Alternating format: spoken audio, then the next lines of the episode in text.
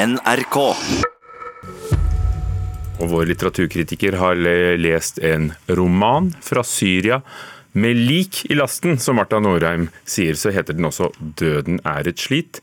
Mer om den om litt her i Nyhetsmorgen. Men først, det kan bli nesten umulig for norske museer å låne kunst fra utlandet, frykter direktøren ved Munch-museet. Regjeringen vil nemlig avvikle statens forsikringsgaranti, som sikrer eh, trygge lån av kunstskatter mellom eh, norske museer og museer i utlandet. Det er eh, store planer for det nye Munch-museet, som snart står klart i sjøkanten. Men nå kan det bli mye dyrere og vanskeligere å få gjennomført dem. Alle vil ha Munch. Da kan vi be andre museer om å gi oss kunst og flotte utstillinger som vi ellers ikke kunne vist i Norge eller i Norden for den saks skyld. Den anledningen har vi ikke hatt før. Og det er jo den vi nå har gledet oss til, å vise det norske publikummet alt det fantastiske vi kan gjøre fordi vi har Munch-samlingen. Men eh, uten den ordningen så er det ikke gjennomførbart. Ordningen Munch-direktør Stein Olav Henriksen snakker om, er statens garantiansvar når museer i Norge og utlandet låner kunst seg imellom. Skulle kunstverkene bli skadet eller stjålet mens de er på utlån, så vil staten dekke tapet. Den kontakten vi må ha med internasjonalt kunstliv handler jo ikke bare om kunst heller. Det handler jo om at Norge må ha en stemme i det internasjonale samfunn. eh, Og vi må kunne vise hva som foregår ute i det internasjonale samfunn, her hjemme gjennom det som er kunstnerisk aktivitet. Det at disse ordningene blir lagt ned, gjør at begge deler blir vesentlig vanskeligere og kanskje langt på vei umulig. I dag garanterer Kulturdepartementet for lån av kunst inn til norske museer. Den ordningen legges ned neste år. Om tre år skal Utenriksdepartementet legge ned sin garanti for norsk kunst som lånes ut til museer i utlandet. Vi vet jo ikke helt hva som kommer. Liv Ramskjær er generalsekretær i Museumsforbundet. Usikkerheten rundt hva som skal skje, gjør det vanskelig for mange museer å planlegge programmet fremover. Det er antydet at det skal komme en mulighet til å få tilskudd til å kjøpe forsikring.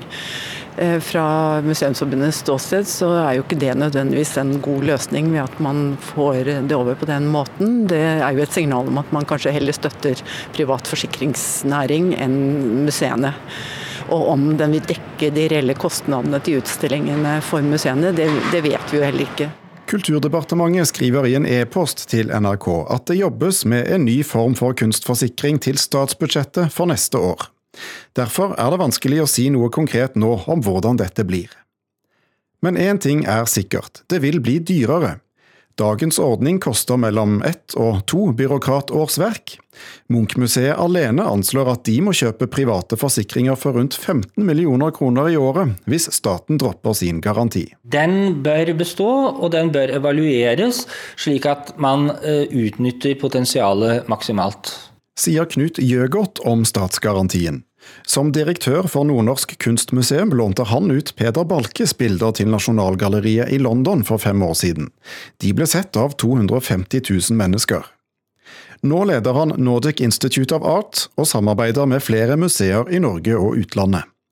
Dagens forsikringsgaranti har også svakheter, mener han. Den kan være byråkratisk og lite fleksibel, og kan være vanskelig å bruke når innlånet til en utstilling kommer fra mange private eiere. Eh, Men statsgarantien den må jo være der primært for de store satsingene. Altså de store navnene, enten vi snakker om Munch eller van Gogh eller Rembrandt eller Caravaggio. Der vil nok forsikringssummene være så store at de færreste norske museer kan være med på laget hvis ikke det er en eller annen form for statlig støtteordning inni dette. Nå bygger vi jo to nye flotte museer i Oslo, og vi skal jo også bygge andre museer rundt i ferielandet. Og i tillegg så har mange av våre kolleger store ambisjoner for, for internasjonal satsing. At de begrenser det akkurat nå, når disse museene skal åpne, det syns jeg er dårlig timing og veldig rart. Sa direktør Stein Olav Henriksen på bryggekanten utenfor det nye Munch-museet i Bjørvika. Det var Thomas Halvarstein Ove som hadde sett på denne saken. Dårlig timing og rart, altså ifølge Henriksen, kulturkommentator her i NRK, Agnes Moxnes. Er det rart? Ja, Rart og rart. Det er litt oppsiktsvekkende og egentlig ganske vanskelig å forstå. fordi at er en, Den ordningen vi har, er en veldig rimelig og ubyråkratisk forsikringsordning. Og så er det en ordning som land og institusjoner vi skal låne bilder til og fra, altså som f.eks. van Gogh-museet i Nederland, har veldig stor tillit til. Hvorfor ligger da dette, i, dette forslaget i, som en del av neste års statsbudsjett? Det er jo en eh, forklaring som ligger og vaker i bakgrunnen. og Det kan jo være at regjeringen eh, også så milliardene forsvinne ut av fregatten. Helge Ingstad manøvrerte seg til et eh, forlis for et par år siden. Og det er klart at Hvis en van Gogh eller en, en Munch da er på reise og blir totalødelagt, så vil det koste. Men så langt så har altså det aldri skjedd. For det vi snakker om her er altså at staten eh, i veldig mange tilfeller er selvassurandør. Veier, broer, fregatter. Eh, hva betyr det egentlig, dette selvassurandørprinsippet? Ja, Det er at staten er sitt eget forsikringsselskap, og sånn har det vært i alle år. Eh, fordi kostnadene hvis et Hercules-fly styrter eller en bro kollapser, det er så høye at kommersielle forsikringsordninger ville blitt veldig, veldig dyrt i det lange løp. Så risiko og høye verdier er argumentet for å beholde denne ordningen for andre typer katastrofer enn kunst. Men samtidig, da, når man ser argumentasjonen fra Kulturdepartementet, og antageligvis også fra Finansdepartementet som brukes nå, det er jo nettopp at eh, fordi det er en høy risiko, så må man avvikle ordningen for kunst. Det er tre store nye kunstmuseer eh, som er på, på, beddingen. Ja, De ligger jo nesten i sjøkanten alle sammen. Kunstsiloen i Kristiansand, Nasjonalmuseet og Munchmuseet vi hørte om her. Eh, hva kan denne endringen i måten å forsikre inn- og utlån av kunst bety for dem? Ja, det er jo litt av det samme som Stein Olav Henriksen, direktør på Munchmuseet, sa. At, eh, at det å tenke ambisiøse utstillinger kan bli såpass dyrt at man skygger unna, heller sparer enn å satse. Eh, museene kan bli mindre konkurransedyktige i kampen om å tiltrekke seg et etter hvert veldig kresent og stort både nasjonalt og internasjonalt publikum. Men dette gjelder jo ikke bare de nye norske museene, eh, men også de offentlige museene i Bergen, Trondheim og, og, Tromsø. For I løpet av de siste årene så har vi sett de museene sende Nikolai Astrup, altså kunstmaleren, eh, Hanna Ryggen og Peder Balke til utenlandske museer, eh, takket være norske og utenlandske statsgarantier. Og det har altså i deres tilfelle ført til eh, oppsiktsvekkende internasjonale gjennombrudd. Og så langt gått veldig bra med kunstverkene. Takk skal du ha. Agnes Moxnes, kulturkommentator. Nå en historie om noen som har blitt forelsket, kulturreporter Elisabeth Grøndal. Ja, det er den eh, britiske store avisen The Guardian som har eh, forelsket seg i en historie om en kokk. Eh, en av de virkelig store kokkestjernene i Frankrike.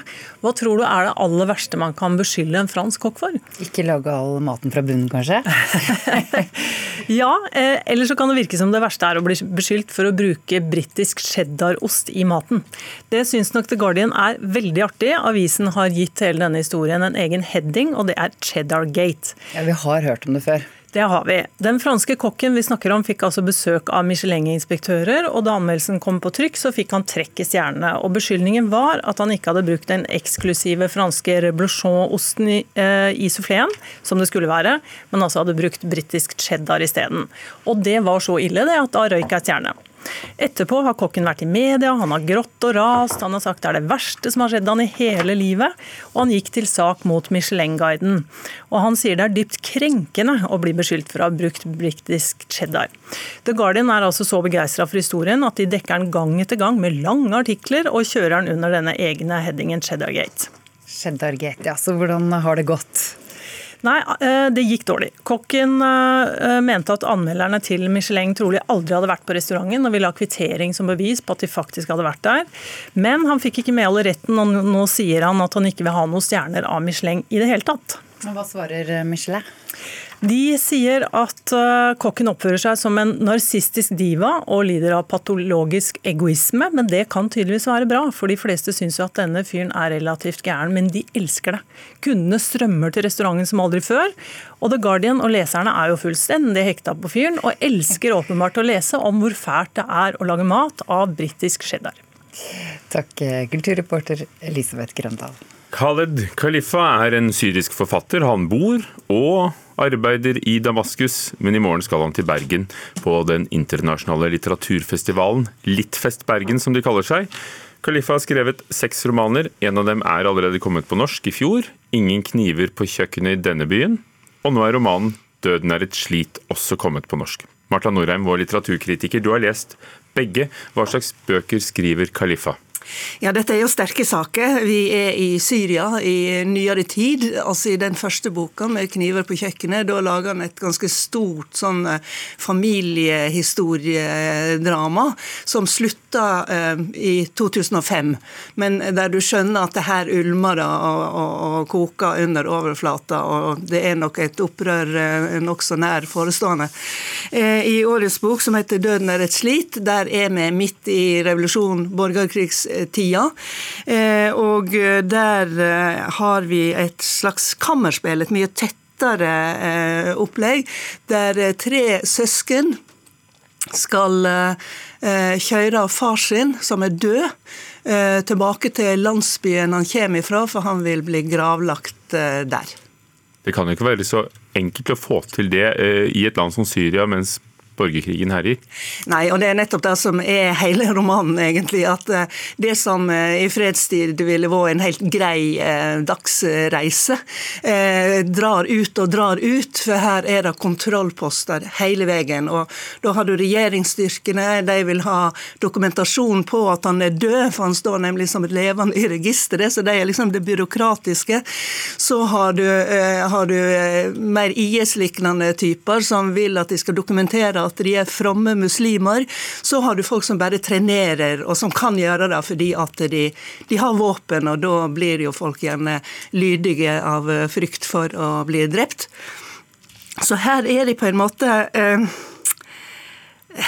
ute på den lange, lange reisa, og du får disse her folkene også som er inne i bilen, og dynamikken mellom søsknene. De begynner å tenke over livet. altså Hva slags idioter er vi som setter livet på spill for et lik, eh, mens likene ligger strødd langs hele gata.